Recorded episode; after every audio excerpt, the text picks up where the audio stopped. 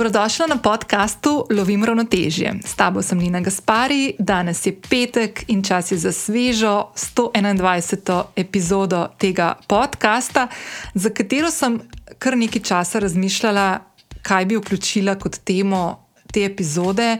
Predvsem zato, ker če sem zelo iskrena, uh, zadnji teden oziroma te dnevi, uh, preden gre ta epizoda v eter, če poslušaš to epizodo v realnem času, ko bo tudi izdana in poslala, poslana v tvojo uh, podcast aplikacijo in na mojo spletno stran. Uh, mislim, da je težko se izogniti stvarem, uh, ki se odvijajo okrog nas. Jaz lahko zase povem, da sem kar precej tesnobna. Uh, ni mi prijetno, tako kot mogoče verjamem, no, da večini od nas. In ena od stvari, ki mi je prišla. Uh, tako nekako se mi je pripeljala, ko sem razmišljala o tem, kakšno vsebino bi danes pripravila za te, je vprašanje, ki ga doskrat dobim uh, med sporočila in se nanaša tudi na neko tako zatočišče, uh, ki mi pomaga v dneh, ko sem tesnobna, da nekoliko malo zbežim tja. No? Um, o čem govorim? Uh, danes sem se odločila, da pripravim epizodo na temo um, virov, na katerih dobivam um, novice, uh, informacije, novo znanje, orodja, veščine, uh, poglede v kakšne razmišljanja drugih ljudi, ki jih spoštujem in cenim. In predvsem bo danes beseda tekla o knjigah, o podcastih, pa mogoče še kakšen vir dodam zraven, um, ki mi v teh dneh mogoče malo pomaga, še dodatno. Uh, usmerjati svojo pozornost na kakšne druge stvari, čeprav je včasih to malo težko. Um, ko sem razmišljala o tem, kakšen seznam, predvsem knjig in podkastov, bi ti danes rada predstavila, sem imela v mislih trenutno realnost, v kateri živimo, uh, stvari, ki se dogajajo v ne tako daljni bližini. Um, In pomenu tega, da smo obveščeni, da znamo dobivati informacije iz pravih virov, iz preverjenih virov, da znamo kritično razmišljati in tako naprej. Tako da danes uh, sem kar nekaj knjig in podkastov takih vključila v to epizodo, uh, s katerimi tudi jaz nekako se učim. Uh, vedno znova in na novo uh, nekega kritičnega razmišljanja, uh, nekih vsebin, ki mi omogočajo, da širim svoje obzorja uh, širše od tega, kar imam danes. Um, zdaj, kot sem rekla, jaz veliko sporočil eh, dobim na to temo um, in mislim, da na zadnje. Sem konkretno o knjigah govorila v 52. epizodi, se pravi, že kar nekaj časa nazaj. Uh, moram pa tukaj dodati, da v praktično vsaki epizodi, v kateri gostim kakšno sogovornico ali sogovornika, gostja ali gosta, Uh, je eno od vprašanj, ki jih ob koncu pogovora postavim uh, sogovornicam in sogovornikom, tudi to, da jih vprašam, uh, kje najdejo svoj navdih, oziroma konkretno, katere knjige berejo, katera je tista knjiga, ki jim je spremenila življenje, ali pa tista najknjiga, ki bi jo vsak mogel po njihovem mnenju prebrati.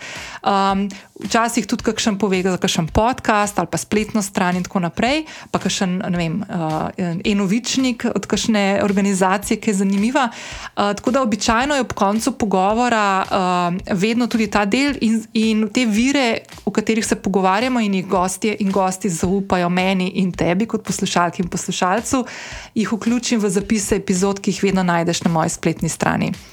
Um, tako da, kot sem rekla, preden skočiva v današnjo epizodo in ti predstavljam tiste knjige, ki jih imam ali trenutno na svoji listi, uh, ali jih pa že mal berem, pa poslušam. Uh, te vabim, da če še nisi prijavljena na podcast Lovim ravnotežje, to lahko storiš zdaj prek aplikacije, na kateri običajno poslušaš uh, podcaste. Vedno sem vesela tudi ocen in mnen, ki mi jih pustiš na podcast aplikaciji. Lahko se mi oglasiš na zasebno sporočilo na Instagramu, tam ti bom najhitreje tudi odgovorila. Uh, zakaj to vedno podarjam? To je eden od redkih načinov, kako lahko meni, kot ustvarjalki vsebin, uh, podcast vsebin, ki jih pripravljam za te vsak pet petek, pomagaš, da za podcast, ki ga pripravljam, slišijo tudi tebi podobne ženske in moški. In kot vedno, kot sem omenila, tudi tokrat spodaj v opisu najdeš povezavo do zapisa epizode, v katero bom vključila. vse omenjene knjige v današnji epizodi, vse omenjene podkaste in ostale vsebine, uh, do katerih pridem v nadaljevanju. Uh, zdaj pa predlagam, da greva do knjig. In se fulj veselim, da podelim moje najljubše trenutne knjige, podkaste in druge vire. Ok, kot sem rekla v začetku, um, na začetku te epizode današnje, da ti čudni časi, ne, um, v katerih moram reči, da jaz zdaj imam največji izziv s tem, da ne padam preveč globoko v, uh, v to, da imam nenehno v ozadju uh, prižgane novice ali pa da sem uh, 24 ur na dan praktično priklopljena na Twitter. Uh, pri katerega spremljam uh, predvsem ukrajinske novinarje, ki poročajo z terena. Um, ker malo me to zanima, če zaradi uh, nekega strokovnega upogleda v delovanje novinarjev. Um, Pa drugič, zato ker sem firpčen človek in ker si nekako poskušam svet vedno osmisliti s tem, da dobim uh, čim več informacij. Um, je v bistvu ena od stvari, h kateri sem se zdaj v zadnjih dneh, oziroma v zadnjem tednu zatekla, to, da bom najprej priznala, da sem odložila knjigo, ki sem jo brala prej in to je knjiga Sapiens, ki jo ja, sem že omenila, mislim, da kar nekaj epizod nazaj, ker sem jo kar nekaj časa brala, tako po par strani na dan ali pa še en teden vmes tudi ne. Uh, mal me je zmanjkalo, uh, nisem mogla več te knjige naprej brati in jo bom uh, vzela nazaj v roke nekoliko kasneje.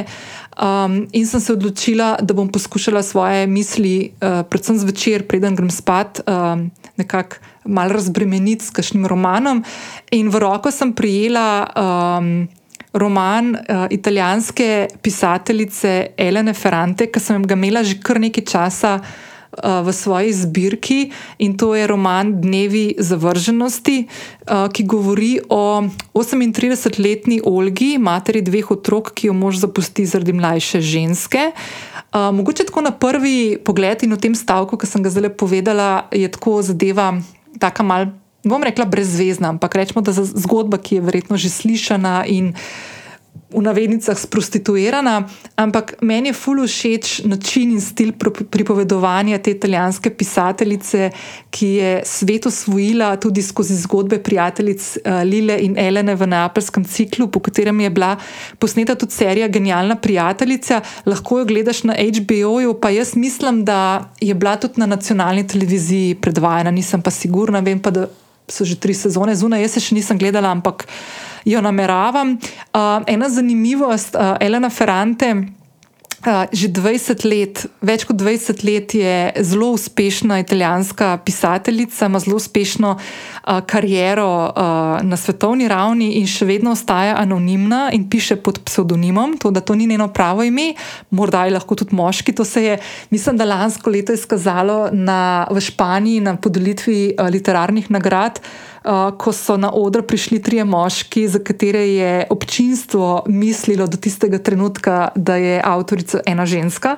Uh, tako da kdo ve, morda nekoč se Elena Ferrante razkrije, uh, kdo je in kdo, in kdo piše te zgodbe. Uh, lahko pa še povem eno zanimivost, da je revija Time leta 2016 Elena Ferrante uvrstila med 100 najvplivnejših ljudi na svetu. Tako da, evo, uh, meni je fully všeč način, kako napiše. Lahko še to dodam, da m, tole genialno prijateljico in to trilogijo, mislim, da je bila trilogija, ali smo celo štiri knjige, se ne vem, ta neapeljski cikl o Lili in Eleni, sem jaz brala, mislim, da dve knjigi, prvi v slovenščini, potem pa sem kupila angliški prevod tretje knjige. In sem ga začela brati, in potem je malo zmanjkalo, zato ker mi je bilo ful težko skočiti iz enega jezika v drugega, se mi zdi, da se tako nek tak čar zgubil. No. Tako da mogoče čist tak namik, da če bereš kdaj kakšno knjigo uh, v enem jeziku, mogoče je fajn potem tudi nadaljevati uh, v tem jeziku. No, vsaj meni se to tako izkaže. Uh, tako da, evo, to je roman, ki ga berem zdaj v teh dneh, ko uh, poslušaš to epizodo, če poslušaš podcast Lovim ravnoteže v realnem in času, ko oddajam in izdajam tudi vsebine, drugače pa če boš kasneje to poslušala oziroma poslušal, je še vedno aktualno. Uh, naslednja knjiga. Ki sem jo dobila, mogoče še en mesec nazaj, je, in je na listi, zdaj le imam tam na nočni umarci, takoj pod Eleno Ferrante, jo pa že kar lepo listam, ker mi je tudi fully všeč vizualno. Je knjiga Atlas of the Heart Brené Brown. Uh, Brené Brown je ena mojih ljubših um, pisateljic, predavateljic, podcasterk, ki je to knjigo Atlas of the Heart izdala konec leta 2021. Ravno kar je išla, spravi, ene dva meseca kasneje, po tem izidu, je išla tudi v obliki audio knjige. In če sem prav zasledila na Amazonu, se da dobiti tudi delovni zvezek zraven. Tako da zdaj je ful moderno, da avtori uh, in avtorice v tujini, no, pri nas še tega nisem toliko videla, da izdajo neko knjigo in potem uh, kmalo po tistem izdajo uh, tudi nek uh, workbook. Uh, jaz sem tukaj le na mizi, naprimer, tudi knjigo, mislim, da je v slovenščini uh, uh, neukročena v angleščini, v originalu pa Untamed od Glennon Doyle. In sem pred kratkim si naročila tudi uh, The Journal, se pravi, nek workbook Get Untamed, oziroma Postani uh, neukročena, uh, ki jo je tudi ta ista avtorica izdala. Tako da to je zdaj ful popularno. Ampak da se vrnem nazaj k knjigi Atlas of the Heart, to je knjiga, v kateri nas Brené Brown popelje na pot skozi. 87 čustev in izkušenj, ki opredeljujejo človeško delovanje in dojemanje. In ta knjiga je nekako narejena na tak način, da daje bralcu ali bralki načrt potrebnih spretnosti in okvir smiselnih povezav, izbora pravilnih besed in orodij, ki nam lahko pomagajo prvi, v prvi vrsti usmisliti sebe. Naše mesto v družbi in na to razumeti tudi delovanje drugih ljudi okoli nas. Meni se zdi, da je to v času v katerem, sploh zdaj, v katerem živimo, ful pomembno, um, še bolj kot kadarkoli prej. Um, in kot je Brené povedala, je to knjigo pisala v času pandemije in da jo je sesula v dno duše. Uh, zato, ker je tudi njej odprla en kup enih stvari, ki uh, se jih ni zavedala, da jih mora predelati pri sebi, in da je po drugi strani pomagala najti sebe in smisel v teh nesmiselnih časih, v katerih živimo, ko gremo iz ene krize, ki imamo občutek, da se počasi končuje, oziroma nekako se bomo mogli naučiti z njo živeti v neke druge krize, katerih razsežnosti še uh, ne poznamo in ne vemo. Uh, kaj nas čaka. Um, zdaj, še ena stvar, ki mogoče bi jo tukaj rada izpostavila, je ta, da um, sploh, ko se pogovarjamo o čustvih, um, Ta knjiga, kot sem omenila, nekako opisuje oziroma razdeljuje 87 različnih nivojev čustev. Uh, knjiga je v angliškem jeziku, uh, išla je, kot sem rekla, tik pred koncem leta 2021, tako da tudi po mojem prevoda v slovenščino, čeprav knjige Brené Brown so kar prevedene v slovenščino, prevoda verjetno še nekaj časa ne bo. Uh, zakaj to omenjam? Zato, ker uh, se določene stvari iz angleščine, sploh na nekih teh čustvenih ravneh, zelo težko prevajajo v slovenščino. Doskrat se zgodi, da mogoče. Naš jezik, ki je sicer blazno bogat in imamo ogromno, ogromno različnih besed, uh, doskrat pa mogoče nimamo različnih besed za opisovanje um, različnih čustev. Um, in ena stvar, uh, ki me fulj zanima, je, kako bo tisti, ki bo griznil v ta prevod, uh, to zapeljal ali zapeljala. Druga stvar, ki pa mogoče tako čisto v premislek in razmislek tebi, ki tole zdaj poslušaš. Um, jaz sem se kar doskrat pogovarjala um, o, o teh stvarih z Mihom Macinjem, uh, kako kaj je on opazil pri. Mislim, da so se to tudi pogovarjali v 112. epizodi podcasta, ko je gostoval uh, na podkastu Lovim ravnoteže, kako je pri um, študentih na AGRFT-ju ali AGRFT-ju. To sem nekaj zanč rekel, so me upozorili, da na robe govorim, ampak no, v glavnem na akademiji uh, je opazoval, kako uh, študenti, ko je bilo treba.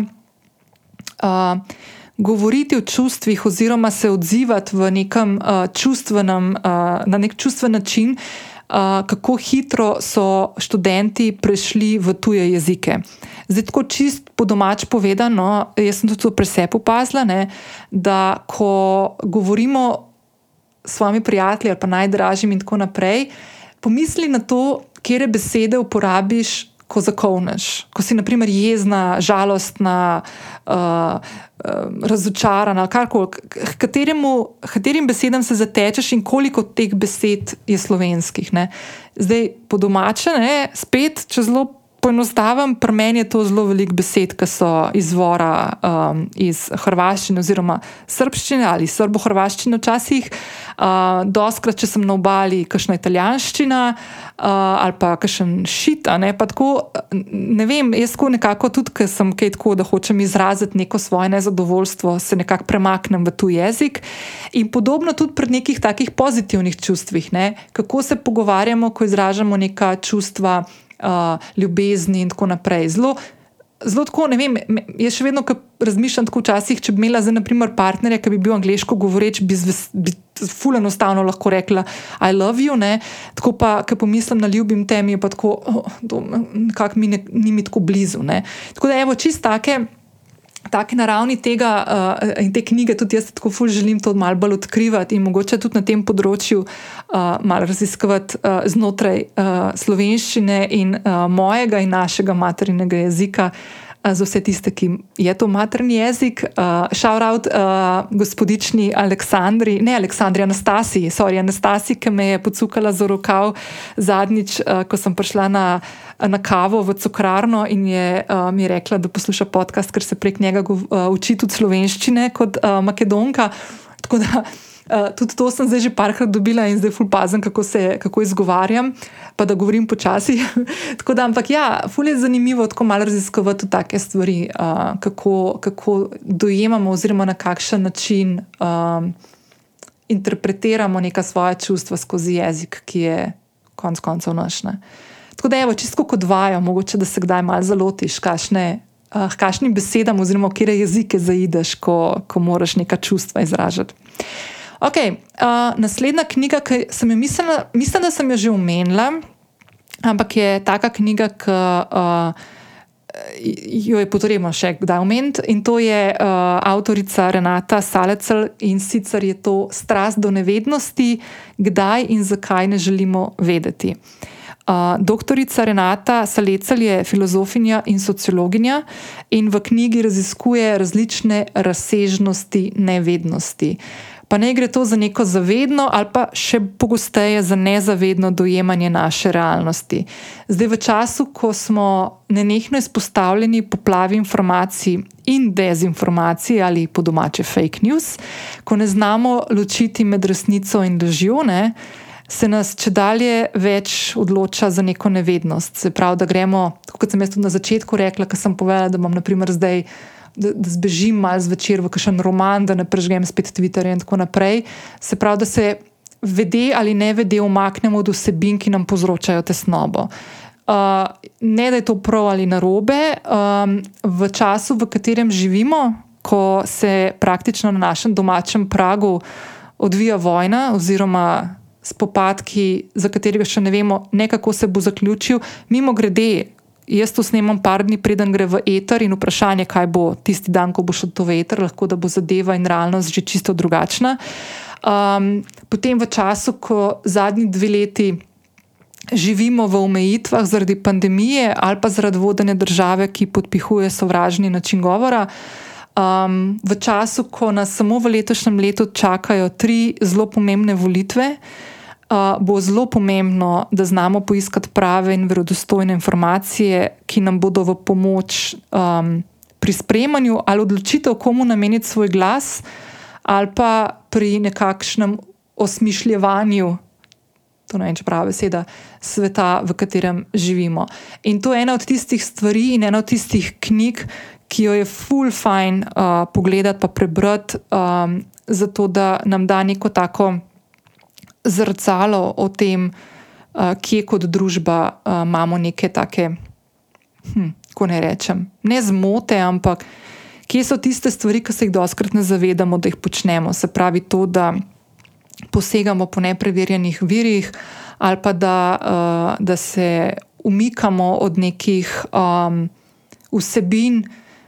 Uh, zato, ker nam povzročajo nelagodje, včasih je tudi potrebno, da imamo nelagodje. Uh, In takoj za to knjigo bom dala še eno knjigo uh, avtorice, ki je naredila ful velik vpliv na me, predvsem v lanskem letu, že prej, ampak predvsem v lanskem letu, ko uh, priznam, da sem šla po dolgem času spet na volišče. zato ker sem bila tudi jaz apatična uh, dolg časa in razočarana nad uh, realnostjo in družbo, v kateri živim, in imela občutek, da nimam alternative. In to je Nika Kovač, ki je pri mladinski knjigi izdala knjigo Pisma tebi.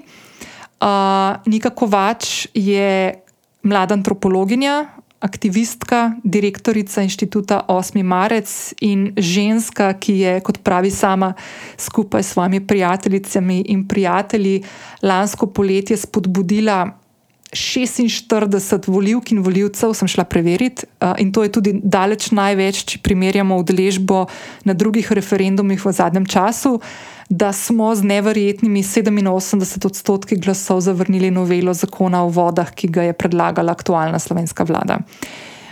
Zdaj, Nikina knjiga, pisma tebi, govori o pogumu, o tem, da je pomembno se naučiti reči ne in kako je to pri njej izgledalo o utrujenosti, o dvomih, o strahu, o veselju in o pomenu opozarjanja na krivice, ki se dogajajo na vseh družbenih plasteh. Uh, verjetno ga ni junaka in junakinja, ki ne bi vedela, da je Nika pred kratkim prejela tudi nagrado Slovenka leta, ki je precej razburila ljudi, ki se bojijo uh, um, državljank in državljanov, ki znamo kritično razmišljati. Uh, in to nagrado je podelilo bralstvo revije Jana. Uh, Uh, in Nika je tudi ena od ključnih ljudi, ki nas bo letos spodbujala k temu, da gremo na volitve da in da izrazimo svoj glas.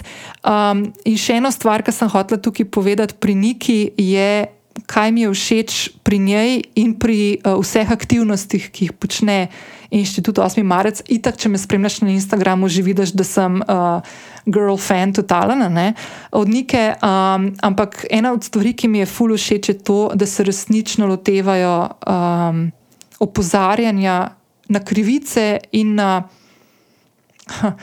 na, na stvari, ki se dogajajo res v vseh plasteh družbe. Uh, Ker doskrat se tako zgodi, naprimer tudi zdaj, ko lahko opazujemo uh, medijsko poročanje. Medijsko poročanje se zelo rado osredotoči na eno stvar. Ne? ne vem, če ste zdaj opazili, da COVID je kar naenkrat zginil iz vseh novic, da ga ni več, ni več nevaren, ne umira 15 do 20 ljudi na dan pri nas. Uh, zdaj so druge teme, ki so v spredju. To je nekaj takega, to, to so taki naravni fenomeni sicer v, v medijskem poročanju, ampak je prav, da kljub vsemu, kljub temu, da je naša pozornost in pozornost medijev, da sta usmerjeni, naprimer, v konkretno tukaj, zdaj v tem primeru v Ukrajino, ali pa naprimer prej bil COVID, še prej bilo kaj drugega. Um, Da vseeno ne zgubimo stika s stvarmi, ki grejo na robe tudi drugotne. In kar je meni fully všeč pri zelo angažiranih aktivistkah in aktivistih, je to, da opozarjajo na te stvari, na katere prepogosto pozabimo. Naprimer, ena od takih stvari, ki se je zdaj v zadnjem času dogajala, ravno zaradi tega, ker je bila 30-letnica izbrisa uh, več kot 25 tisoč. Um, Ljudi, ki se je zgodil leta 92, od tudi o tem smo govorili z Miho Macinjem, ki je avtor uh, knjige Izbrisana in filma Izbrisana. Uh, je, da pač so določene stvari, ki pridejo sem in tja spet na plano. Ampak uh, 30-letnica je prišla in odšla, uh, v Sloveniji pa še vedno veliko ljudi, ki nima urejenega tega statusa. Uh, da, in, in, in ne obstajajo uradno, ne? jih ni. Tako da so stvari, ki jih je pač treba njih opozarjati, na njih in tako naprej. In meni se zdi, da je inštitut 8. marec in vsi satelitki okrog njih to delajo ful dobro. Mimo grede, če te ta stvar zanima, Uh, v stoti epizodi, jubilejni, okrogli stoti epizodi, uh, sem gostila Alenko, uh, ki dela v organizaciji Smet Umet in je bila tudi ena od pobudnic uh, referenduma.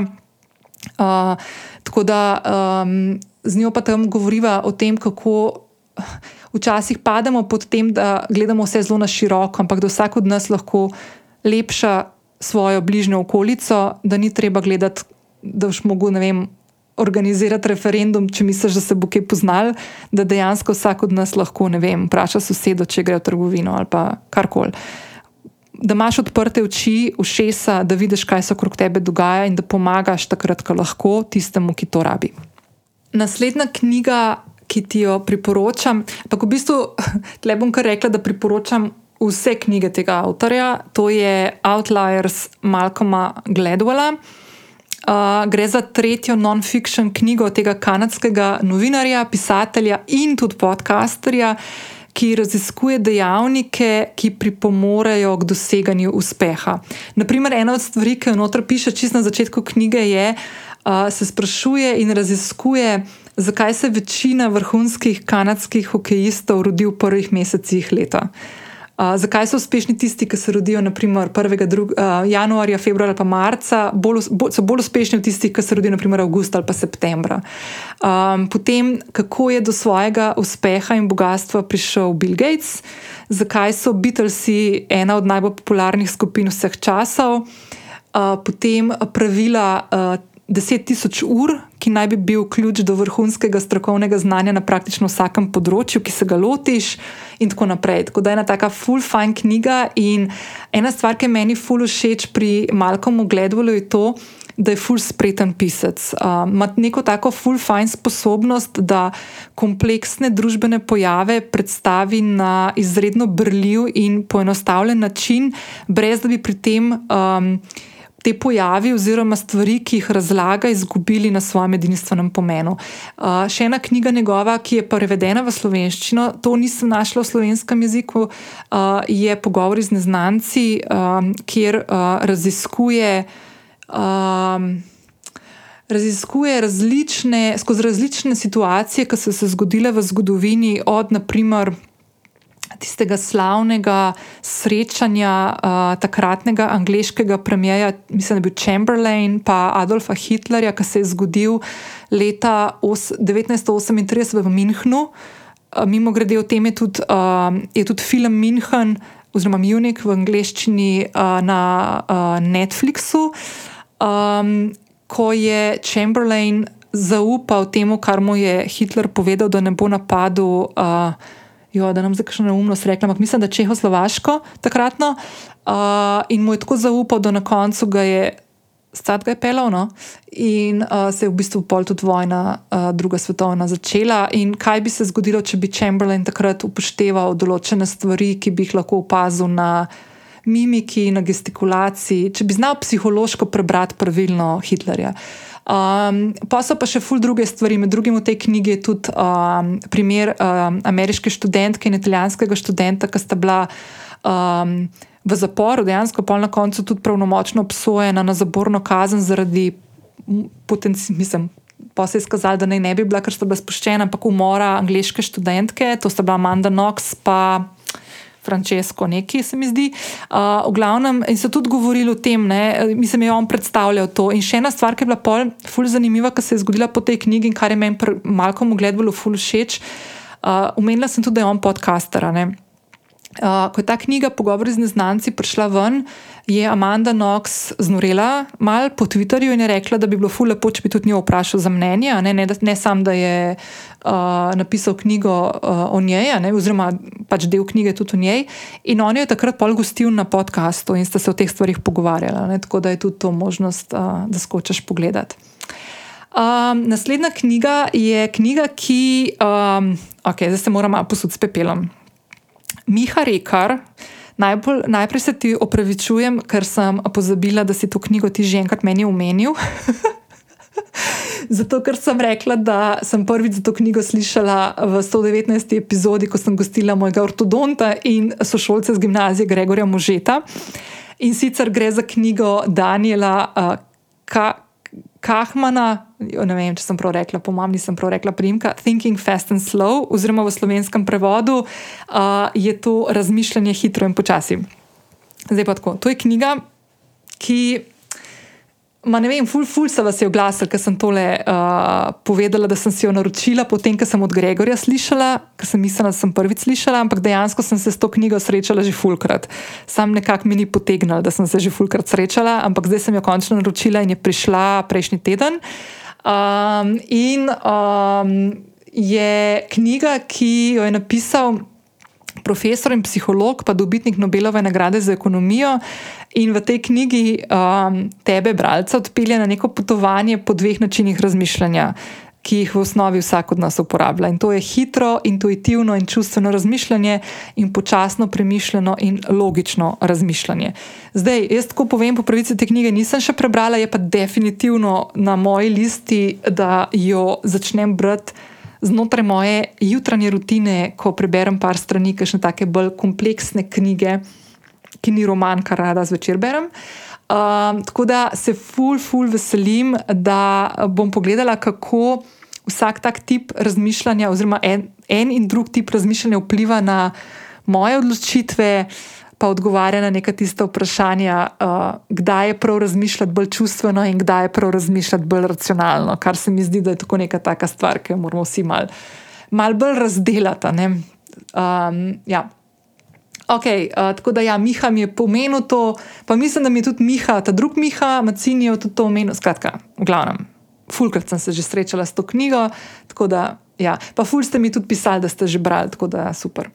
Um, potem še dve knjigi sta zdaj od Brené Brown, ki sem jo danes že povedala. Tako da, kot pri Malcolmu Gledwalu, tudi za Brené Brown velja, da lahko vse knjige prebereš, ker so fajn. Um, Dare to Lead je še ena knjiga Brené Brown, v kateri avtorica uporablja raziskave, zgodbe in primere, s katerimi po njeno, ne, če jo poznaš, brez dlake na jeziku, odgovarja na vprašanja o vodenju, leadership. Kdo je lahko vodja, kakšne lastnosti mora imeti. Potem tukaj je tudi veliko um, o radovednosti pri vodenju, o kulturi vodenja, kaj ima pri tem pogum, kaj ima pri tem drznost. Brownova skozi svoje raziskave ugotavlja, da je drzno in pogumno vodenje splet štirih veščin, ki se jih lahko vsak človek nauči. In pravi, da ima vsak od nas možnost, da postane dober vodja, uh, samo uh, lotiti se moramo tega. Uh, zdaj, seveda, ne pride to kar tako, od nas to zahteva pogum, iskanje odgovorov na težke vprašanja, zahteva tudi to, da uporabljamo srce v vodenju in delu z ljudmi. In um, na to temo ima Brené Brown tudi enega od svojih podkastov, ki nosi enako ime kot knjiga, se pravi Dare to Lead, in je ekskluzivno na voljo na platformi Spotify. Um, to, sem, to bom še omenila tudi na koncu, v drugem delu uh, te epizode, ko bom govorila o podcastih. Ampak ena stvar, ki sem jo hotela tukaj dodati, če kakšna.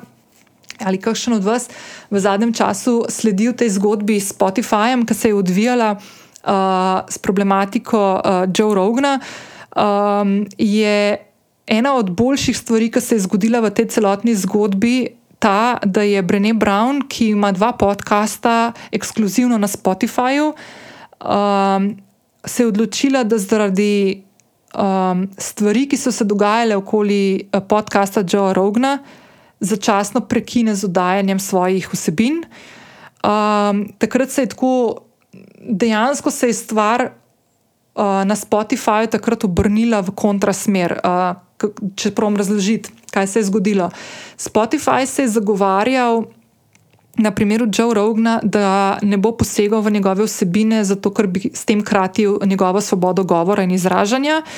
Um, ljudje, poslušalci, glasbeniki, ki so prepovedali predvajanje svojih, uh, svojih, uh, svoje glasbe na uh, omrežju Spotifyja, so šli v luft in so rekli, da tukaj ne gre za, uh, za kratenje nekih pravic svobode izražanja, ampak za to, da gre za to, da uh, podcast Joe Rogna uh, širi dezinformacije uh, in nepreverjene uh, stvari. In Spotify tukaj dejansko je, je kazal na to, da ne bo nobene spremembe naredil. Ne? Dokler se ni zgodilo to, da so najprej šli glasbeniki določeni v luft, uh, potem je pa Brené Brown se odločila narediti ta korak, da prekine, uh, da da na pauzo podcasta. Kaj je bilo meni fully všeč pri njej, je to, da je kakšen teden kasneje se ona javila v zapisu na svoji spletni strani, daljšem, ko je obrazložila, zakaj se je odločila za pauzo. Ona je v tistem času, tistih nekaj dni vmes, se pravi od trenutka, ko je sporočila, da ne bo oddajala vsebin prek podkastov, uh, ki jih ima ekskluzivno na Spotifyju, in trenutka, ko je šel ven ta zapis na njeni spletni strani, ko je povedala, kaj se je vmes zgodilo, je ona trikrat govorila z, vodi, z, z vodstvom Spotifyja, uh, ker je hotela dobiti jasen signal in odgovor, kako se bodo uh, lotili te problematike. Uh, daleč od tega tudi povedala, je, da ne želi, da bi se cenzuriralo kogarkoli in tako naprej, da tudi ni zato, da se Joe Rognu karkoli naredi ali pa da se mu, da se mu umakne epizode, kar se je dejansko potem dogajalo. Uh, ampak je hotela slišati od Spotifyja, kako bo v prihodnje uh, kuriral svojo platformo. Uh, in takrat je Spotify naslednji dan, ali celo isti dan, ko je Brené Brown to dala ven, je vse, ki prek Spotifyja oddajamo, vključno z mano, ki uporabljam uh, platformo Anchor. Ki je v lasti Spotifyja, smo vsi dobili uh, nova pravila igre, uh, ki smo jih mogli prebrati, oziroma upam, da smo jih prebrali. Um, in omogočali so tudi vsakemu človeku, ki je poslušal, poslušalec ali poslušalka podkastov, da lahko prijavi, uh, če se na kakšnem podkastu uh, znajde vsebina, ki bi utegnila biti problematična, mislim, problematična po teh pravilih, ki jih je Spotify dal ven. Tako da čist en tak pogled v to, kako lahko nekdo, ki, da mu rečemo, uči uh, skozi svoje predavanja, podcaste, knjige, naredi tudi vzgled, takrat, ko je to potrebno. In tle sem jaz dala kapo dol Brené Brown, da je naredila to, ne bi bilo treba, ne? ampak uh, je in je uh, še mal bolj poglobila moje. Uh, navdušenje nad njo kot žensko, kot vodjo in kot raziskovalko um, različnih tem. In naslednja knjiga je tudi od Brené Brown, uh, The Gifts of Imperfections oziroma Darovi nepopolnosti. Uh, ta knjiga pa govori o tem, kako pomembno je, da smo zvesti svoje zgodbi in poti, naprimer konkretno to, kar sem zdaj omenila, kaj je naredila. Potem o tem, da je ranljivost največja, naša največja moč in da v svetu iskanja popolnosti ujamemo tudi čas nepopolnosti, ki nam zagotavlja srečnejše in nekako bolj pristno, avtentično življenje pristno je slovensko. No. Tako da, ja. Evo, tako da eh, to se mi zdi full fine. Tako da, če te te teme zanimajo, če te zanima tema, uh, tematika ranljivosti, uh, potem je Brené Brown definitivno uh, vir. K kateremu se lahko kadarkoli obrneš, ker je dejansko to področje, ki ga raziskuje, mislim, da že zadnjih 20 let in je definitivno prava sogovornica za to področje. Naslednja knjiga, naslednji avtor, Simon Sinek, uh, The Infinite Game ali Neskončna igra, prevedena tudi v slovenščino. Uh, Simon Sinek je britansko-ameriški avtor in govorec. V tej knjigi Neskončna igra pa poskuša orisati, kako bi lahko bolje krmarili po igri, v kateri igramo vsi, uh, voditelji, uh, ki posvojijo neko tako neskončno miselnost, gradijo močnejše, inovativnejše in bolj navdihujoče organizacije, v katerih ljudem zaupajo njim, se pravi, ljudje njim zaupajo kot voditeljem in zaupajo tudi drug drugemu. Uh, jaz sem o teh, uh, o igri brez konca, kar nekaj že govorila. Mislim, da sem v 42. epizodi gostila mojega mentorja, Romana, s katerim smo se pogovarjali o tem, kako fino je v življenju igrati igro brez konca. Igra brez konca pomeni, mm, da, si, da nisi osredotočen na cilj, ki ga želiš doseči, ampak da na poti, po kateri hodiš, ne nekno spremljaš stvari, ki se ti dogajajo. Uh, da spremljaš. Uh, Do, dobre, slabe stvari, izzive, nova znanja, nova spoznanja, poraze, uspehe in vse, in se veseliš vseh teh multiplastnosti, ki jih prinaša življenje in konec koncev tudi delo vsakega od nas. Um, in meni se zdi full fine. Um, en, primer, en primer, ki sem poslušala podcast pogovor, mislim, da je prav Brené Brown, da je gostila Simona Sineka lansko leto na, um, na podkastu Dare to Lead, ko je naprimer povedal en primer. Uh, kdaj govorimo o uh, razmišljanju, neskončni miselnosti, in kdaj razmišljamo kot neko uh, kot neko zaključeno miselnost. Ne? Naprimer, ko se par odloča za otroka uh, in se odloča o tem, da si želi otroka v tem trenutku, ne razmišlja pa, naprimer, um, ali sva pripravljena uh, naslednjih 18 let ali pa vem, 25 let uh, delati, živeti in spodbujati to osebo, ki bo naredila spravila v svet, kar bi dejansko mogla biti neka, ne, neko razmišljanje daljše. Ne? Uh, ker ne gre za vpliv, ki se zgodi v enem, v enem trenutku, ampak je to vpliv, ki posega v življenje vseh, ki so potem uh, upeti v, ta, v to odločitev. Tako da, tako, kot zanimivost, no, se mi zdi taka, taka stvar, da se, da se mal spodbuja tudi tako mal dolgoročnejše razmišljanje. Uh, naslednja avtorica je znana po tem, da spodbuja svoje bralce uh, uh, k kreativnosti. Uh, in to je Julia Cameron. Uh, zdaj, Julia Cameron je znana po uh, knjigi oziroma vajah The Artist Way, kjer razvijaš tehniko pisanja dnevnika, imenovano Morning Pages. Uh, jaz sem to že kar nekajkrat omenila, tiste, ki ste kupili uh, moj delovni zvezek, kako začeti pisati dnevnik in s tem najti najboljšega terapeuta v sebi, ki je na voljo v moji spletni trgovini, ste že spoznali tudi tehniko pisanja Morning Pages. Jaz se bom pa danes osredotočila na njeno drugo tehniko in knjigo, ki je narejena na podoben način, tudi šestedenska. Um, neko šestedensko potovanje uh, ponuja Julia Cameron, in to je knjiga, oziroma workbook uh, The Listening Path. Um, zdaj, ta knjiga se osredotoča na pomen poslušanja. Uh, in tudi, kot sem rekla, tukaj gre za šestedensko potovanje do globjega poglobljenega poslušanja in tega, da nas to pripelje tudi do ustvarjalnosti. Zdaj, v tem času šestih tednov, ne, ki, uh, ko lahko uh, skozi njeno knjigo ali pa audio knjigo, ki je tudi na voljo, lahko dobimo orodja, da postanemo boljši poslušalci. In ko se naučimo poslušati, uh, povečamo svojo pozornost in pridobimo jasnost. Um, zdaj, tukaj uh, je ful močna povezava s tem, da poslušanje ustvarja povezavo in užge našo ustvarjalnost, uh, ki potem nekako se razprši na naše vidike, vse vidike življenja. Zdaj, če imaš neko ustvarjalno delo, ali pa če pač nekako se v življenju uh, želiš ukvarjati s kakšno kreativno zadevo, uh, je to tako full fine in full. Uh, poživljajoče. Rečemo, no? Tako da, uh, ful je lušten, če, če probate oboje naenkrat. Se pravi, da greste najprej naprimer, na tehniko pisanja, da začnete sami sebe spoznavati skozi uh, metodo Morning Pages, naprimer, ali pa kakšno drugo metodo, potem, uh, ki pri vas užge in spodbuja pisanje. Ker, by the way, ta The Artist Way ena od stvari, s katero spodbujaš svojo kreativnost, je morning pages, tehnika pisanja dnevnika, pa le še en kup drugih stvari, naprimer to, da pilješ sebe na zmenek v kakšno galerijo ali pa film pogledati ali pa nekaj. Ne.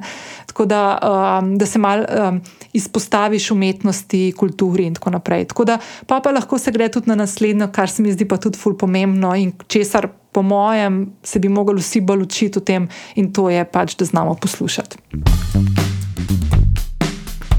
Preden nadaljujeva s seznamom knjig, ki so mi še ostale, uh, pa podkastov, pa ostalih virov, ki sem jih pripravila, da jih danes podelim s tabo, uh, je še ena stvar, ki jo hočem povedati. In to je, da ne vem, jaz tako knjige, pa podkaste, pa te vire, o katerih danes teče beseda, jemljem tako. Najprej kot način nekega sproščanja, pa tudi malo razvajanja. Ne? Kaj ste mislim? Da, vem, odvisno od vsebine, ki jo v nekem trenutku konzumiram, uh, Um, včasih ta vsebina poboža moje srce, naprimer ta Atlas of the Heart, včasih naprimer, poboža mojo dušo, včasih pa moje možgane. In uh, informacije, ki jih na novo osvajam skozi te vire, ki jih danes predstavljam, uh, mi ne samo, da mi predstavljajo neko novo znanje, pa spoznanje ali pa ideje, ampak mi odpirajo neko novo obzorje, nekega novega razmišljanja. Uh, ki mi konec koncev pomaga pri delu ali pa v življenju. Je pa res, ne, da včasih pa rabim tudi tisto klasično obliko razvajanja, in pri meni v zadnjem obdobju moram reči, da se spet vračam k tistim koščkom ali pa dvema, kakšne dobre čokolade. Ne. In zdaj, če lahko v to sladko razvajanje vključim še kaj bolj hranilnega, je pa to še toliko boljša. Ne? In ful sem vesela, ker sem pred uh, dnevi slišala, da je Malinca, ki je uh, tudi podpornica podcasta Lovim ravnotežje, uh, dodala v svojo bogato ponudbo ekološke prehrane dve energijski ploščici. Prva ima seveda okus maline in druga okus čokolade. Obe pa sta iz ekološke pridelave, to se skorima. In sta odlični dopolnili kakšni dobri in zdravi malci ali pa kosilo, lahko sta pa tudi kofini sladici, ki potešita željo po sladkem. Zdaj obe energijski ploščici sta veganski, brez glutena, laktoze, dodanega sladkorja, brvil ali umetnih arom, vsebujeta pa visoko vsebnost prehranskih vlaknin in sta narejeni v Sloveniji. Zdaj, kot rečeno, pri podjetju Malinca, ki je podpornik podcasta Lovim ravnotežje že več kot eno leto, lahko energijski ploščici in druge izdelke na, nabereš v svojo spletno košarico. Ob zaključku nakupa pa uporabiš še kodo ravnotežje 10 za 10 odstotni popust na svoj nakup. Povezavo do novih energetskih ploščic lahko najdeš v zapisu te epizode. Zdaj se pa vrnemo nazaj k knjigam, pa pa še podkastu in drugim stvarem.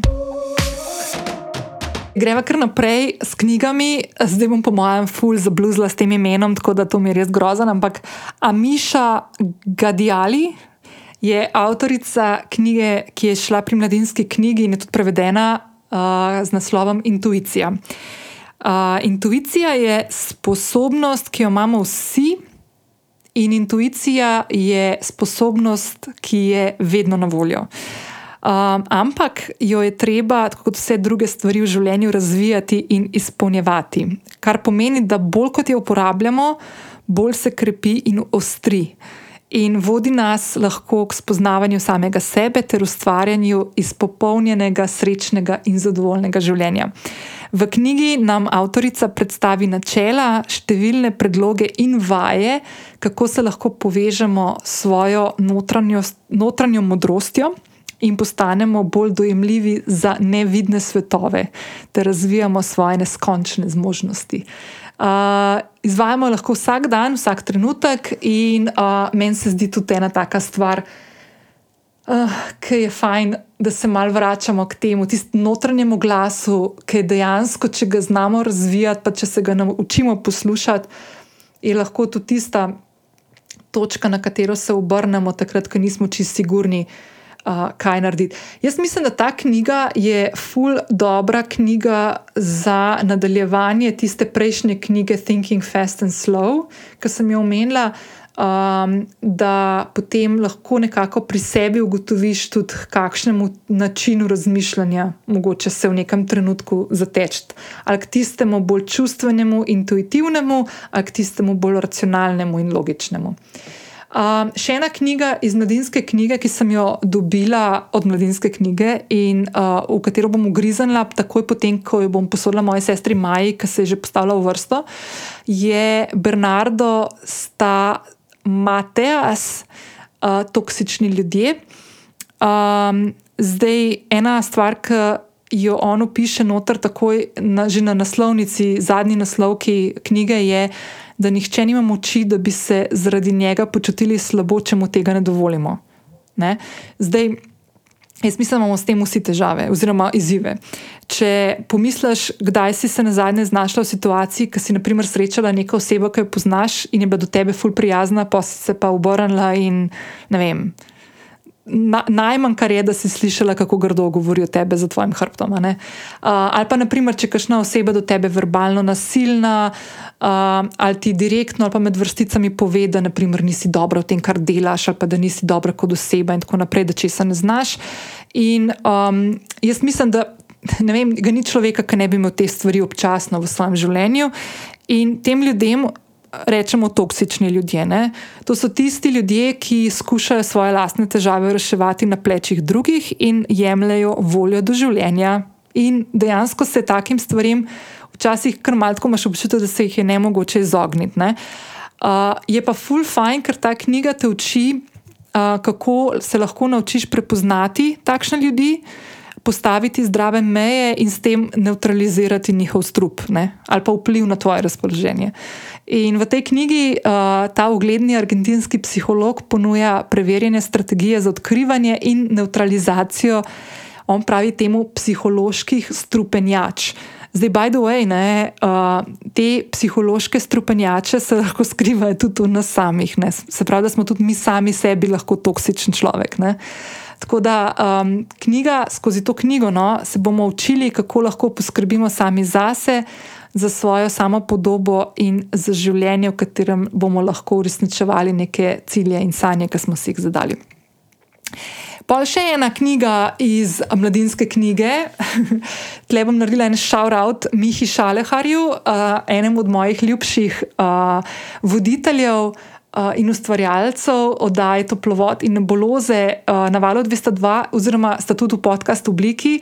Um, in sicer gre za postolovec zmote, patetični priročnik za razumevanje priletnega alfa samca.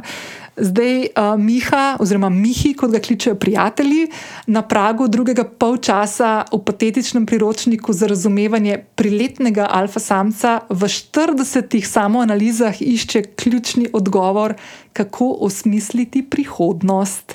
In ob tem pred bralci brez cenzure razkrije svoje napake in zablode iz preteklosti, vse v imenu preobrazbe v jezdeca upanja. Zdaj, če mu je to uspelo ali ne, boš ugotovila v knjigi. Jaz pa lahko povem, da je ena od stvari, ki meni pri Šaleharjevem Mihu, Mihi Fulu všeč, je to, da mu ni težko povedati, kdaj za jepčka. Uh, in da, tako kot bi rekla Brené Brown, ne, uh, svojo ranljivost uporablja kot svojo največjo moč. Tako da, ja, full fine. Uh, no, in naslednja knjiga. Hm, je še en Miha in to je Miha Macini, uh, tudi gost v 112. oddaji, uh, oziroma epizodi tega, oddaj, epizodi tega podcasta, ki ga pravkar poslušaš. Mislim, da je to tudi zadnja epizoda lanskega leta.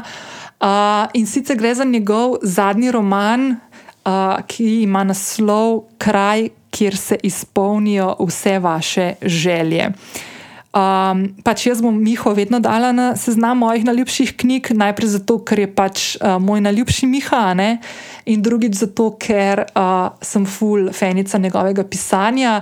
Uh, zdaj Miho vredno poznaš kot kolumnista na Siol.net. Uh, jutri bo imel tudi uh, kolumno, vsake dva tedna jo ima, no, tako da jaz sem v nestrpnem pričakovanju, da preberem, kaj dobrega je zdaj pripravil. Um, drugače je pa tudi eden od najbolj priljubljenih slovenskih pisateljev. Jaz sem danes že omenila tudi njegovo knjigo Izbrisana. Uh, Miha je tudi režiser, naprimer tudi njegov film Izbrisana in številni drugi. Um, tako da je pa ta zadnji roman, kraj, kjer se izpolnijo vse vaše želje, uh, roman, ki se odvija v manjšem slovenskem mestu, v katerem divja en tak prelom dveh generacij. Tiste, ki je vlagala v nepremičnine, ne? naprimer naši starši, babice, detki in tako naprej, in tisto, ki verjame v nek simbolni kapital instantne slave. To smo pa zdaj mi, ne? tisti, ki se preganjamo po raznih družabnih omrežjih in tako naprej. Ne? Zdaj, obe generaciji sta predstavljeni skozi številne like ki jih lahko hitro tako prepoznaš tudi v svojem življenju in jih lahko najdeš, kakšne karakterje, podobne tudi v svoji realnosti. In gre za like, ki uh, za doseganje svojih ciljev hi, lahko hitro zastavi, oziroma so hitro pripravljeni zastaviti tudi kakšno svojo. Tako bolj lepo lastnost človečnosti. Da, ja. um, okay, zdaj imam pa še dve knjigi zadnji dve knjigi, ki pa um, nekako tako sodita v neko temo, ki jo jaz odkrivam malo bolj zadnje dve leti. Uh, bom povedala, kaj me je spodbudilo k temu. Um, le bo kmalo dve leti, odkar se je v Ameriki zgodil uh, George Floyd, uh, še eden od številnih žrtev uh, policijskega nasilja, um, ki je vse več kot to. No? Um, in jaz v bistvu se s to temo spoznavam, predvsem zato, ker bi rada malo bolj razumela ne samo rasizem, ne, tisti, pa, pa kako rečem, rasizem, tisti sistemski, pa prepogosto neopazen ne uh, rasizem. Ne? Ampak zdaj, če nekako poskušam to tako zapeljati, zakaj sem se jaz odločila to odkrivati? Zato, ker sem tudi pri sebi opazila, no, da kljub temu, da živim v družbi, ki je rasno zelo neraznolika, ne, se tudi pri nas. Zdaj govorim jaz v svojem osebi, prvi osebi, ne, da se srečujemo z diskriminacijo, hočeš pa nočeš tega priznati. Ne.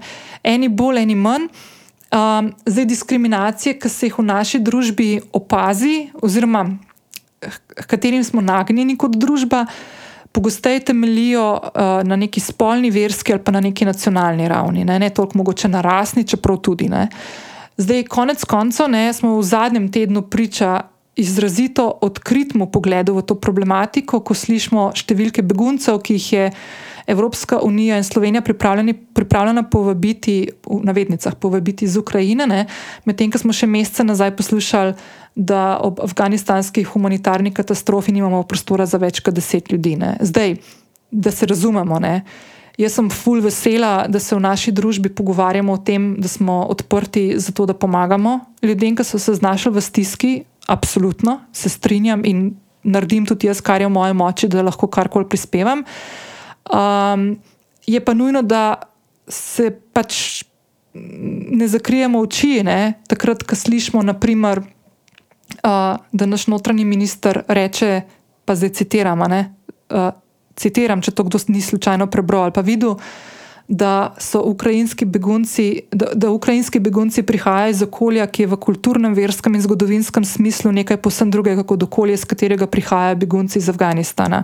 Zato, med klicane, uh, Slovenija je bila kot članica NATO del širše problematike in krize v Afganistanu, tudi svojo vojsko, ne? kar v Ukrajini ni bilo. Ne? Tako da meni se zdi tako ful sprevrženo um, poslušati take izjave, ki več kot očitno so, če rečem, zelo politično korektno diskriminatorne, če ne rečem, da so rasistične. Um, in meni se zdi pomembno v takih momentih, kot je bil ta, kar se je zgodil prejšnji teden s to izjavo, da se zavedamo, da ne smemo dovolj, da je prostor za take stvari v našem okolju, ne, ne glede na to, kako se nam zdi to, mogoče včasih nekaj tasga. Ne. Uh, Meni se zdi ful nujno zase, naprimer, to govorim, da se izobrazim na takih področjih, ki spodbujajo ali pa vzdržujejo to neko sistemsko podjamranje ljudi. Ne. In ena od knjig, ki bom zdaj izpostavila, je knjiga Čeda Sandersa, ki govori o njegovi poti temnopoltega američana v Silicijevo dolino in kako se je on takrat, ko je stopil v to tehnološko okolje, začel prilagajati načinu življenja. Ne? In Fulj tako nazorno govori o tem, kako je spremenil svojo garderobo, vedenje, način govorjenja. Tako nekako je poskušal zatajiti neko svoje ozadje, neko svojo kulturo, da bi se čim bolj vključil v ta svet in se dolg časa ni zavedel, kaj dela. Um, in potem, ko pa je začel se tega zavedati ne, in kako v bistvu to vpliva na njegovo počutje in dojemanje njega samega, ne, se je začel vračati k svojim koreninam. In v tej knjigi ne samo, da govori o nekih teh svojih spoznanjih, ampak to knjigo dodatno krepi tudi z intervjuji s temnopoltimi voditelji, govorimo o liderjih na, v biznis svetu. V različnih panogah, ki mu skozi svoje oči in izkušnje prepovedujejo svoje poti in izzive delovanja v tem pretežno belem svetu. Uh, zdaj jaz razumem, da je pač ameriška družba drugačna kot naša, pa če ne drugega, lahko to sam v spolni identiteti pogledamo pri nas, pa pogledamo, naprimer, uh, kako smo ženske zastopane v družbi in kako, smo, kako v bistvu naša družba, ki jo v veliki večini uh, spoznavamo, oziroma vidimo prek medijskih vsebin, uh, kako dejansko je narejena in krojena po, uh, po zgledu moških. Kaj to pomeni?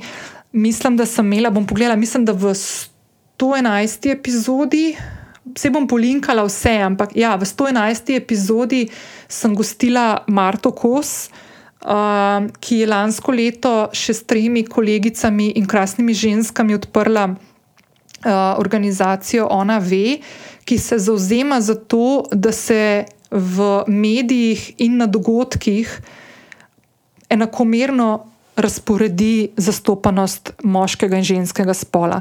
Zakaj?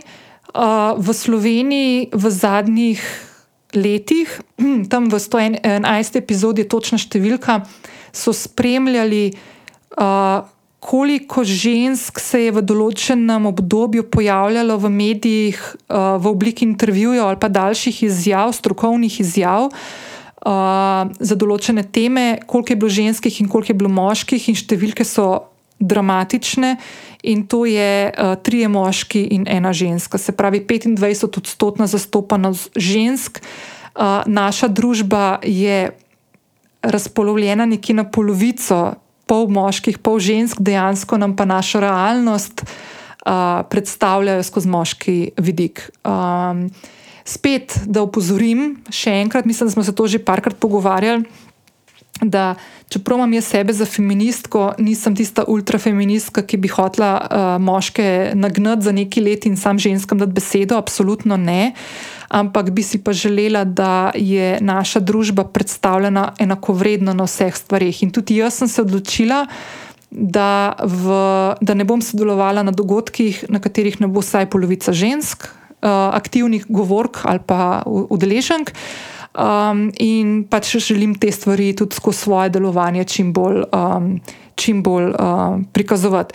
Uh, tudi ena od stvari, ki sem si jo jaz, ko sem začela ta podcast oddajati, decembra 2019, je bila ideja na začetku da bom pretežno gostila ženske gostje. Še vedno je žensk več kot moških in to verjetno bo vedno tako, um, tudi zaradi občinstva, ki se je zbralo in se nabira okoli uh, podcasta Lovim ravnotežje. Je pa res, da sem zelo vesela, ko lahko pred mikrofon povabim tudi kakšnega kolega moškega, ki ima uh, širino, globino in neko tako perspektivo sodobno razmišljujoče osebe in sem full vesela, da sem uh, na tem podkastu gostila že kar nekaj takih moških. Um, tako da z veseljem tudi, uh, tudi seveda, vnaprej. Um, zdaj, tako ena od stvari, no, ki sem jo hotela povedati, da pač jaz raziskujem zdaj, oziroma se podučujem o stvarih, ki se dogajajo v svetu na ravni diskriminacije, ki je lahko različna. Ne? Zdaj me ful, ful zanima tudi zgodovina in Amerika mi je bila vedno tako zelo zanimiva in fascinantna zadeva uh, in stvar, že odkar. Se spomnim, vem, ko sem bila najstnica in sem dobivala kartice od mojega strica iz New Yorka in sem jih lepila v neko mapo, ki sem imela uh, za vsako zvezdno državo tako napisano, kje je glavno mesto, koliko prebivalcev ima in tako. In sem se fulno naučila v Ameriki enih stvari.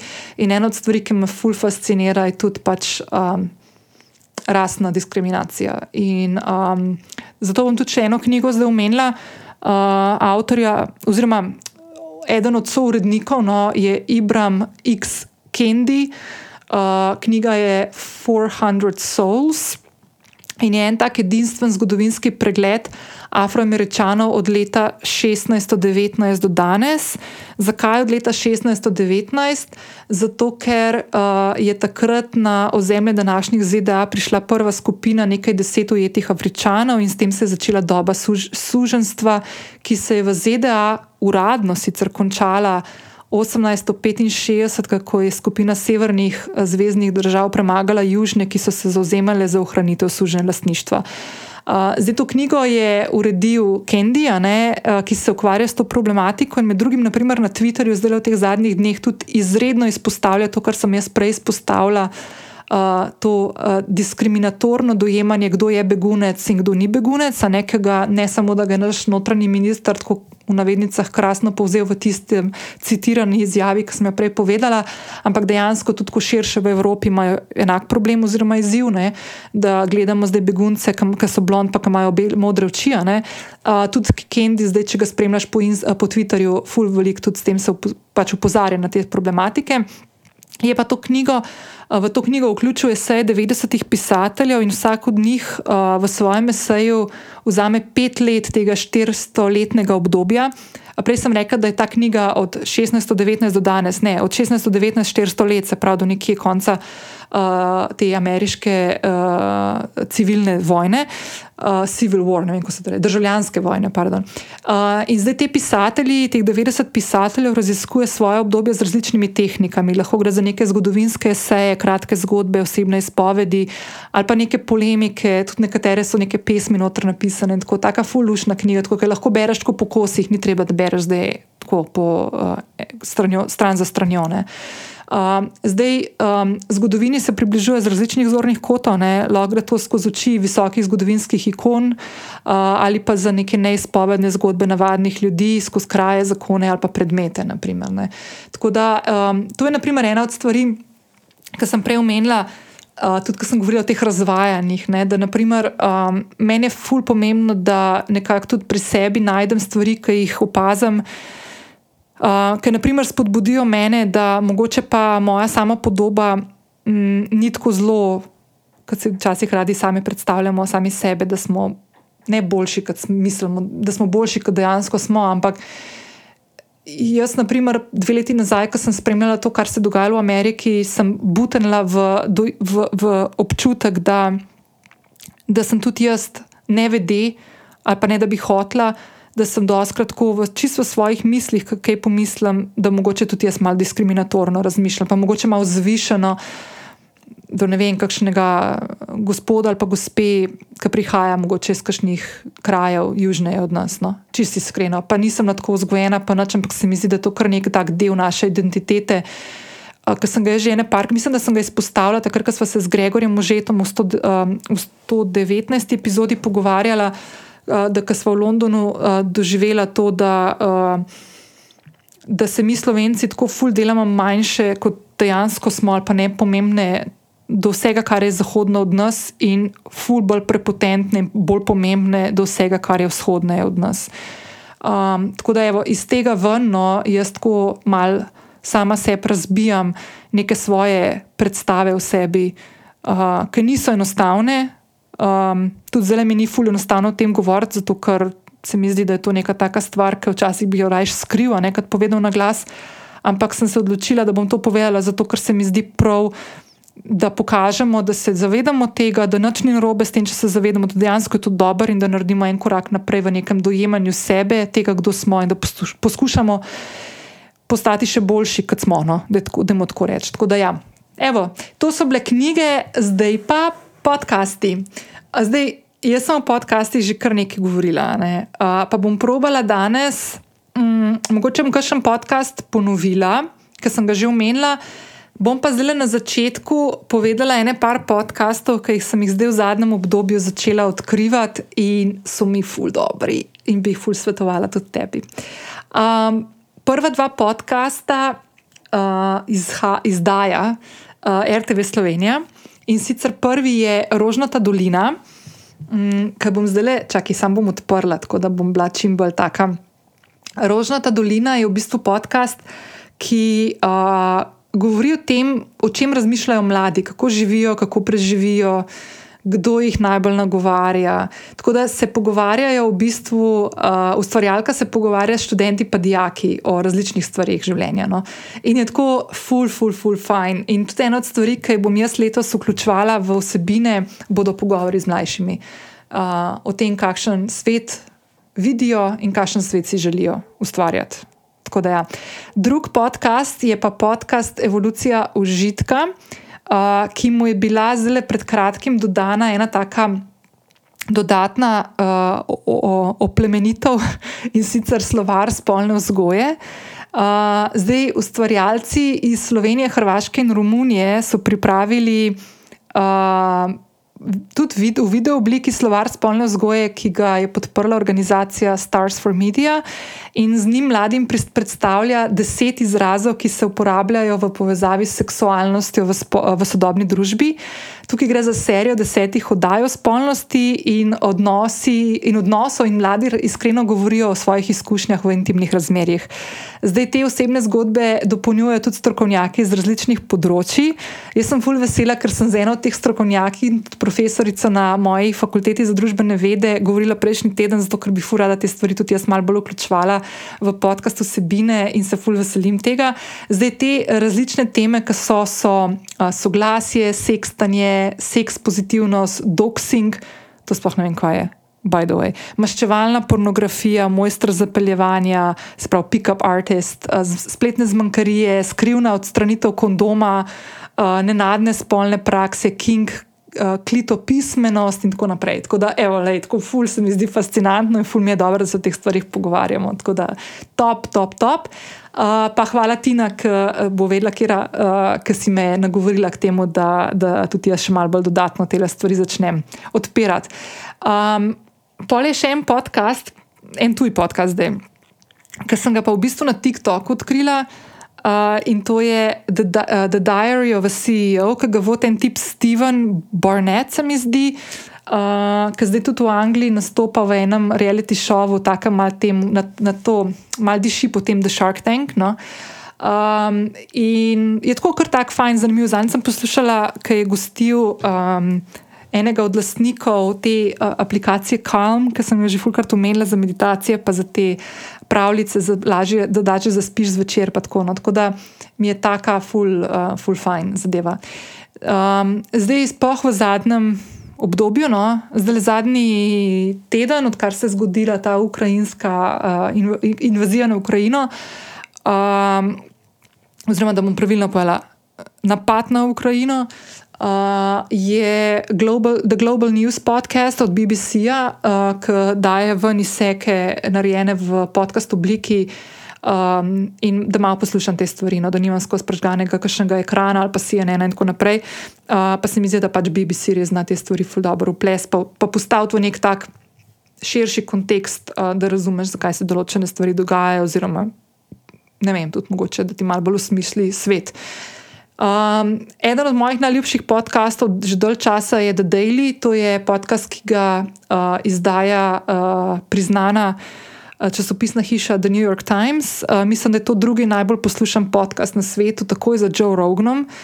Jaz mislim, da bi si zaslužil, da bi bil prvi, uh, pa ne samo zato, ker ima mislim, da 50 ljudi, ki delajo na tem podkastu, ampak um, je tako res ima hude vsebine, razlo, razno razne vsebine. Zdaj, seveda, so mal bolj usmerjeni v Ukrajino, ampak načeloma so pa tako. Bom zdaj odprla, pa bom kakšno stvar povedala, kakšno temo, ki se je dal, ki je mogoče tako malo. Naprimer, pred časom so imeli, pa sem se smejala. To bom polinkala, to vam bom prav polinkala, da greste poslušati, ker je tako the best, je bilo res. Um, Sam da najdem. Prav šlo je na temo, uh, ki tudi se bom pol dotaknila pri nas. Um, Tega, uh, da, smo, da, da, da so tudi pri nas naredili podka, podcast na to temo in sicer uh, Ja, zdaj ne najdem, tako ne. Ampak uh, birds aren't real, se mi zdi. No? Uh, birds aren't real.com, če greš pogledat, je en model v, v Ameriki se je odločil, da bo, šle, da bo šel vse te uh, ljudi, ki so nagnjeni uh, k teorijam zarot. Da bo naredil eno teorijo zarote, da ptice niso žive, da to res ne obstaja in da vse te ptice, ki jih mi gledamo, da so to dejansko neki oddajniki, pa droni, ki jih imajo za to, da nas nadzirajo. Ne? In je v bistvu neko dezinformacijo naredil, zato da se spopada z dezinformacijami na drugi strani. In je v bistvu uporabljal tako enake pristope, kot jih uporabljajo teorije zarot. Tako Bajdu je danes nisem niti povedala tega. No? Ne vem, če ste opazili da ljudje, ki so bili prej globoko nagnjeni v proticepilne aktivnosti ali pa vsebine, so zdaj kar naenkrat postali ful glasni uh, v, v tem, da ali vojna v Ukrajini sploh ne obstaja, da to so si mediji izmislili in, in v glavnem. Pač predstavili so se iz ene. Sorry, jaz sem zdaj tako pač rekla, jaz to tako gledam, ne me ubiti, ampak en, z ene ne bolo za drugo. In ja, pač ne vem, včasih je težko to razumeti. No, ampak The Daily je v bistvu res, ful je hud podcast, ful ima dobre vsebine. Um, pa tako tam nekje 40 minut dolge, max, tako da res, the best. Um, no, omenila sem zdaj ta. Birds aren't real, ki ga omenijo pa tudi v podkastu, v slovenskem podkastu pod črto ki ima ravno v tem času epizode, štiri, mislim, da so štiri epizode, ena za drugo, o lažnih realnostih. Uh, zdaj, to je ena beseda, angliška astroturfing, ki se uporablja in je. Uh, to, to je tako, ne vem, tisti, ki ste mogoče na Twitterju, boste te stvari malo bolj videli, ki so malo bolj očitne no, na tem omrežju kot kjerkoli drugje. To je to, ko se ustvarjajo neki lažni profili, ki nastanejo s tem, da ukradajo nekomu identiteto. Naprimer, uh, že v prvi epizodi tega podcasta, te podcast uh, serije, se pogovarjajo z enim američanom iz Floride, enim Fletcherjem, ki je ugotovil, mu je nekdo, je nekdo obvestil, da so v Sloveniji odprli. Nek profil z njegovo fotko, z nekega surfarskega, ki je bil na plaži, ki je surfal, in so v bistvu naredili osebo s slovenskim imenom in priimkom, ki pač je bila narejena za to, da napada prek tvitev uh, uh, kogarkoli, ki uh, je kritičen do, ob, ob, od trenutnega vladnega uh, na, na šopka. Um, tako da zdaj. Fulje smešen, ker mislim, da so to neki taki politični prijemi, ki se kar dogajajo. No, ne, ne, ne bom rekel, da sem ena stranka, ne, ampak. Blih par dni nazaj sem gledala spet dokumentarc, ki ti ga ful tudi priporočam, da boš boljš razumela oziroma razumel, kako grda je lahko politična igra. Ne? In to je dokumentarc na Netflixu Get Me Roger Stone, ki kaže na to, kako je bil ustvarjen fenomen Donalda Trumpa v politiko.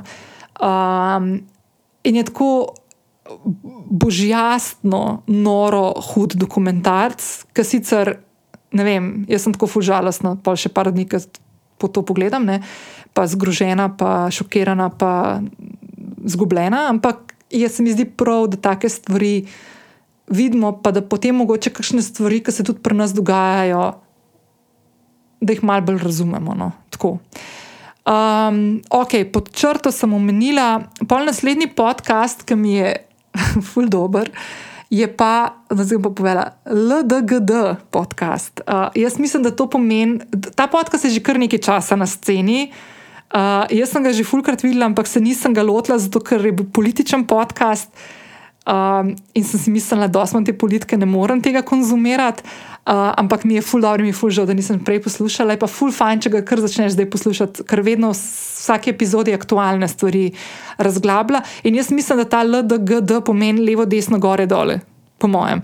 Ampak gre za podcast, ki se opiše, da nikogar ne podcenjuje in ničesar ne jemlje preveč resno, še posebej politike. In dejansko je tako političen podcast, ampak tako zelo spet nek umešča neke stvari, ki se dogajajo v dnevno-političnem prostoru. Uh, v neke take širše koncepte, da jih malo razumeš. Uh, podcast ustvarjajo štirje ljudje in sicer Nataša Briški iz Metine Liste, uh, uh, Aljaš Pengal Bitenc, ki ima čez Radio Chaos, Antiša Korljan, ki, ima, ki dela v Primorskih novicah, in Andraš Zorko iz raziskovalne agencije Valikon. In je ful dobro, ker se ful tako pogovarjajo. Vedno imajo tudi kakšno bizarko tedna. Uh, ki se pa lahko glasuje za njo, kjer je, kjer bolj, kjer, kjer je večjo bizarnost uh, uh, nominiral. Tako, v glavnem, ful je fajn, uh, ful mi je všeč, zato ker Andraš Zorko pride tudi s podatki, naprimer tudi zdaj, kaj, kaj se načrtuje na volitvah, zakaj nekomu kaže boljš kot drugemu. Uh, zakaj hudiča ima, vem, Robert Golob s, to, s tem gibanjem Svoboda, ne? Svoboda, ja. Uh, zakaj ima najboljše rezultate, pa sploh še programa ni dovolj, kar je meni čisto fascinantno. Ampak, okay. Tako v glavnem, fulene take stvari so no? in, in je tako res, res, res the best. Potem še en podcast, ki je pred kratkim postal tudi podcast, je N1 Info.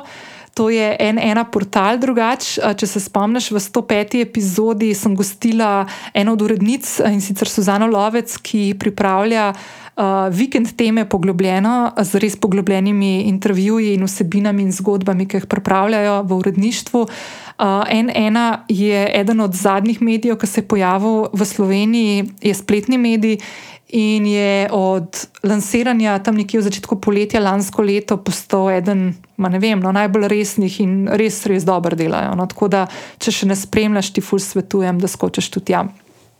Um, zdaj, jaz sem že fulkrat omenila, da je moj najljubši podcast Armchair Expert. Um, zdaj sem jih v roko prejela, zato vam povem, bom tudi polinkala to epizodo, ampak pred parimi tedni, aha, evo, 11. februarja so dal ven, uh, oni imajo tako, poleg teh rednih uh, epizod, ki jih dajo ven, uh, mislim, da trikrat, dvakrat ali trikrat na teden. Uh, imajo potem še neke take tematske sklope, in ena, en, eden od teh sklopov je Armchair and Dangerous. Uh, v, tem, v teh sklopih uh, oni skupaj še z enim kolegom, uh, David Farrow, meni se zdi, da je niz, niz, uh, novozelandski novinar, ki je uh, strokovnjak za odkrivanje in razkrivanje teorij zarod. Uh, in oni pa v teh epizodah Armchair and Dangerous, kakšne te QAnon ali pa Lizard People ali pa to pač grejo in razkrinkavajo. Uh, zakaj je do, te, do tega fenomena prišlo, kako je do tega fenomena prišlo. Pa se pogovarjajo tudi s kakšnim človekom, ki pač verjame v te stvari in zakaj verjame. Tako. Ampak tako zelo na spoštljiv način, tako da dejansko poskušaš razumeti, zakaj se določeni ljudje res so tako bolj nagnjeni k tem teorijam zarod. No, in v tej epizodi, ki je bila v živo v Seattlu posneta, pred slabim mesecem, so gostili Billa Gatesa in se dejansko z njim pogovarjajo. Mislim, da tudi Bill Gates prvič govori o tem, da je pač on skozi cepivo nam 5G ali pa ne 5, neke čipe, da pa da zdaj on nas spremlja. No, v glavnem in je full dobra fora, zato ker Bill Gates dejansko prvič o teh stvarih govori, ker se nikoli javno ni pač na to eh, nanašal, ne, nikoli ni to komentiral in je v bistvu full, full smešen in full the best da poslušati. No, tako da res dobiš ne take res nore, nore informacije in, in, in tudi pol, pač, ja, glavno, pejte poslušati, ker je res ful dobro. Uh, zdaj, jaz sem danes omenila Brené Brown že nekajkrat uh, in sem tudi povedala tisto zgodbo s Spotifyjem. Brené Brown ima na Spotifyju dva podcasta, enega sem omenila danes, to je Dare to Lead, ki je bolj tak podjetniški leadership vodenje. Uh, in je nekako tako izpeljava ven iz te, njegove, iz te njene knjige Dare to Lead, ki sem jo danes omenila. Na seznamu knjig, uh, drug podcast je pa Unlocking Us, ki je pa tako nekako mal bolj, kako bi temu rekla. Uh, Govori o čustvovanju, o, um, o iskanju nekega smisla znotraj nas in v svetu, o odkrivanju nekih um, poguma, ranljivosti, povezav med nami in tako naprej. In v bistvu ima take full, full, full, full fine um, uh, pogovore z različnimi ljudmi na te teme. No? Tako da uh, vedno tudi vpraša na koncu, kaj je za te ranljivost, in vsak ta sogovornik pove svojo definicijo ranljivosti in je tako full, full, full, full the best. Um, zdaj, um, kaj je še kakšna taka stvar? Uh, aha, še en podcast, mogoče tako. Zdaj imam odprto svojo podcast knjižnico na Apple Podcasts, tako, tako da malo povem, pogledam še noter, če je kakšna taka stvar, ki mogoče bi bilo fajn izpostaviti. Um, lansko leto, konec lanskega leta, je začel uh, s podcastom tudi uh, en, o, eden od komen, rednih komentatorjev na CNN-u, uh, pa bivši, mislim, da je delal v Beli hiši uh, in sicer Van Jones, Uncommon Ground. Uh, Uh, tudi tako fulušano, podcast uh, ima fajn, zanimive sogovornike. Um, pa tako, no. Zdaj, naprimer, zadnjo epizodo, ki jo gledam, je se pogovarjati s Sean Penom o tem, če bi morali imeti obvezno cepljenje. To, tega še nisem poslušal, ampak mi je ful zanimiv. Um, potem še en podcast, ki sem ga začela spremljati, zato ker sem to gospodično poslušala prej kot eno od voditeljic podcasta Goop. Ona je bila tudi dolgo časa tam uh, zaposlena pri Gwyneth Paltrow v njenem, v njenem podjetju, polišta pa na svoje v času pandemije. Takrat je v nekem momentu full folka zapustil uh, Goop, ona je bila ena od njih uh, in to ima zdaj svoj podcast. Uh, Elise Lunan je drugačno ime, Pulling the Thread um, in se tudi tako pogovarja z razno raznimi ljudmi na temo, ja, na temo iskanja nekega svojega glasu. Um, Paul. Hm, Huberman Lab sem že večkrat omenila. Da mi je ful dobr. Aha, danes sem omenila, ker sem govorila pri knjigah o tem, da zdaj je ful modern, da poleg knjige uh, avtori izdajo še neko workbook, ker sem prej omenila uh, Glennon Doyle. Glennon Doyle ima tudi svoj podcast uh, od lanskega leta, uh, We Can Do Hard Things, se kliče. In doskrat. Uh, sodelujeta, mislim, da njena sestra, pa njena partnerca, partnerka, partnerka, partnerka. Uh, tako da skupaj dajeta, mislim, skupaj se pogovarjajo. Uh, pa, don, pa omenila sem danes no, tudi um, uh, Simona Sineka o tistih neskončnih razmišljanjih. Ne? On ima tudi podcast uh, A Bit of Optimism with Simon Sinek, no? tako da tudi ta je tako full fine, pa ima take zanimive sogovornike. No? Da... Se boste videli, če slučajno še ne spremljate teh ameriških podcastov, je full zanimiv, zato ker, um, zato ker uh, delajo tako. Uh, imajo, uh, ne vem, kakšen avtor ima novo knjigo zunaj in potem se na vseh podcastih pojavi ista oseba. No, da, ampak ok, le tako mač luštano. Uh, drugače, mogoče evo še, hm, še en podcast slovenski, ki je prišel zdaj le maglih dober teden nazaj ven. Je, in je na prvem mestu, ne, kar je full fine, uh, full luštan, zato ker uh, vedno, ko daš podcast ven, za vse tiste, ki mogoče razmišljate o tem, da bi začeli s podcasti, da je vedno tako, da nekako, pa to zdaj se bo grdo slišalo, no, nočem zdaj biti nesramna, ampak res je to tako in je prav, da je to tako. Da, uh, ko pride nek podcast na novo ven, ga Apple podcast ful preferirajo in ga dajo ful v spredje, zato da mu pomagajo, uh, da zablesti na začetku in da dobi čim več uh, nekih uh, poslušalcev in občinstva, in je to full fine, to se je tudi meni zgodil. Um, in je v bistvu uh, Aida Kolar, moja kolegica, novinarka uh, in urednica na medijski hiši Adria Media, je začela oddajati podcast Sprehod na dan. Uh, če sem prav razumela, bo vsak teden, meni se zdi. Uh, in v, prvem, v prvi epizodi ima gostjo in sicer uh, Alijo Skrt, ki imam tudi jaz, full rada in jo full rada spremljam na Instagramu in zdaj le odhaja z svojim kombijem oziroma venom um, po Evropi, se mi zdi. Ja. No, skratka. Tako da to. Um, Ja, pa pa tiste klasične, se to sem pa že povedala, ne, Klaro in Bed, pa tako naprej, Aideja in tako naprej. Ne, se to pač, že, da, ne, da ne bom ponavljala se. No, tako da ja.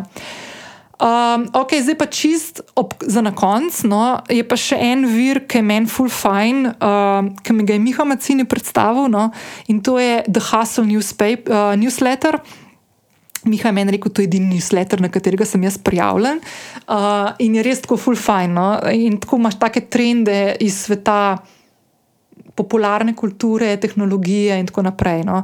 Uh, zdaj, naprimer, v enem od zadnjih newsletterov sem imel uh, da 60 odstotkov stvari, ki jih kupimo v IKEA, je spontan nakup. Naprimer, da, jaz mislim, pri meni je to še mal višji odstotek, ampak ok. Tako da ja, uh, mi je full fine ta newsletter in ga vedno tako prečakiram. No, tako da, pa zdaj sem imel v zadnjem obdobju tudi veliko teh nekih trendov v podkastanju in statistik in raziskav in tako naprej, in mi je bilo full the best. Tako da, evo, um, to je to. Ja, to je to.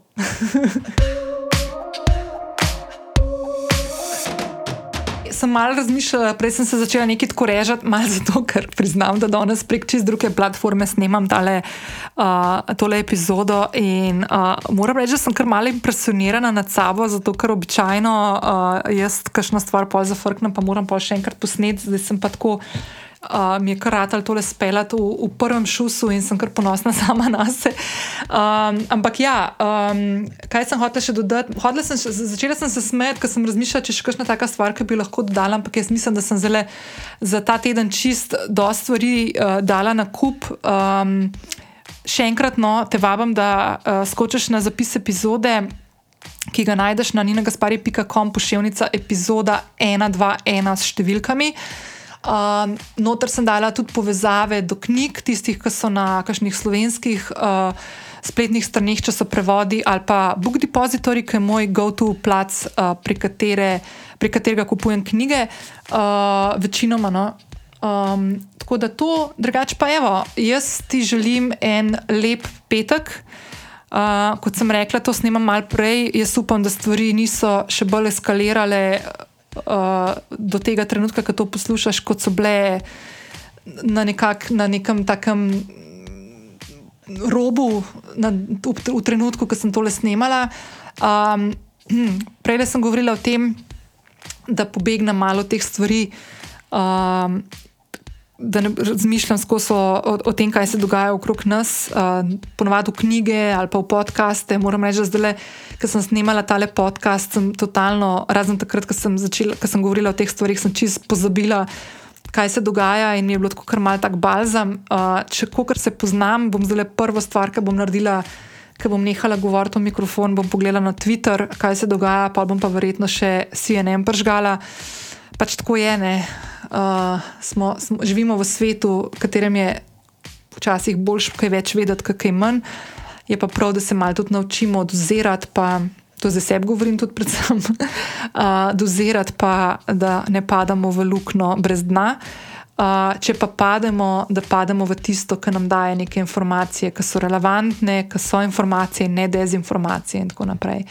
Um, Mejte se fajn, mejte se radi, objamite ljudi, ki jih imate okrog sebe in jih imate radi, pa uh, lep vikend in se slišmo naslednji teden. Čau, čau.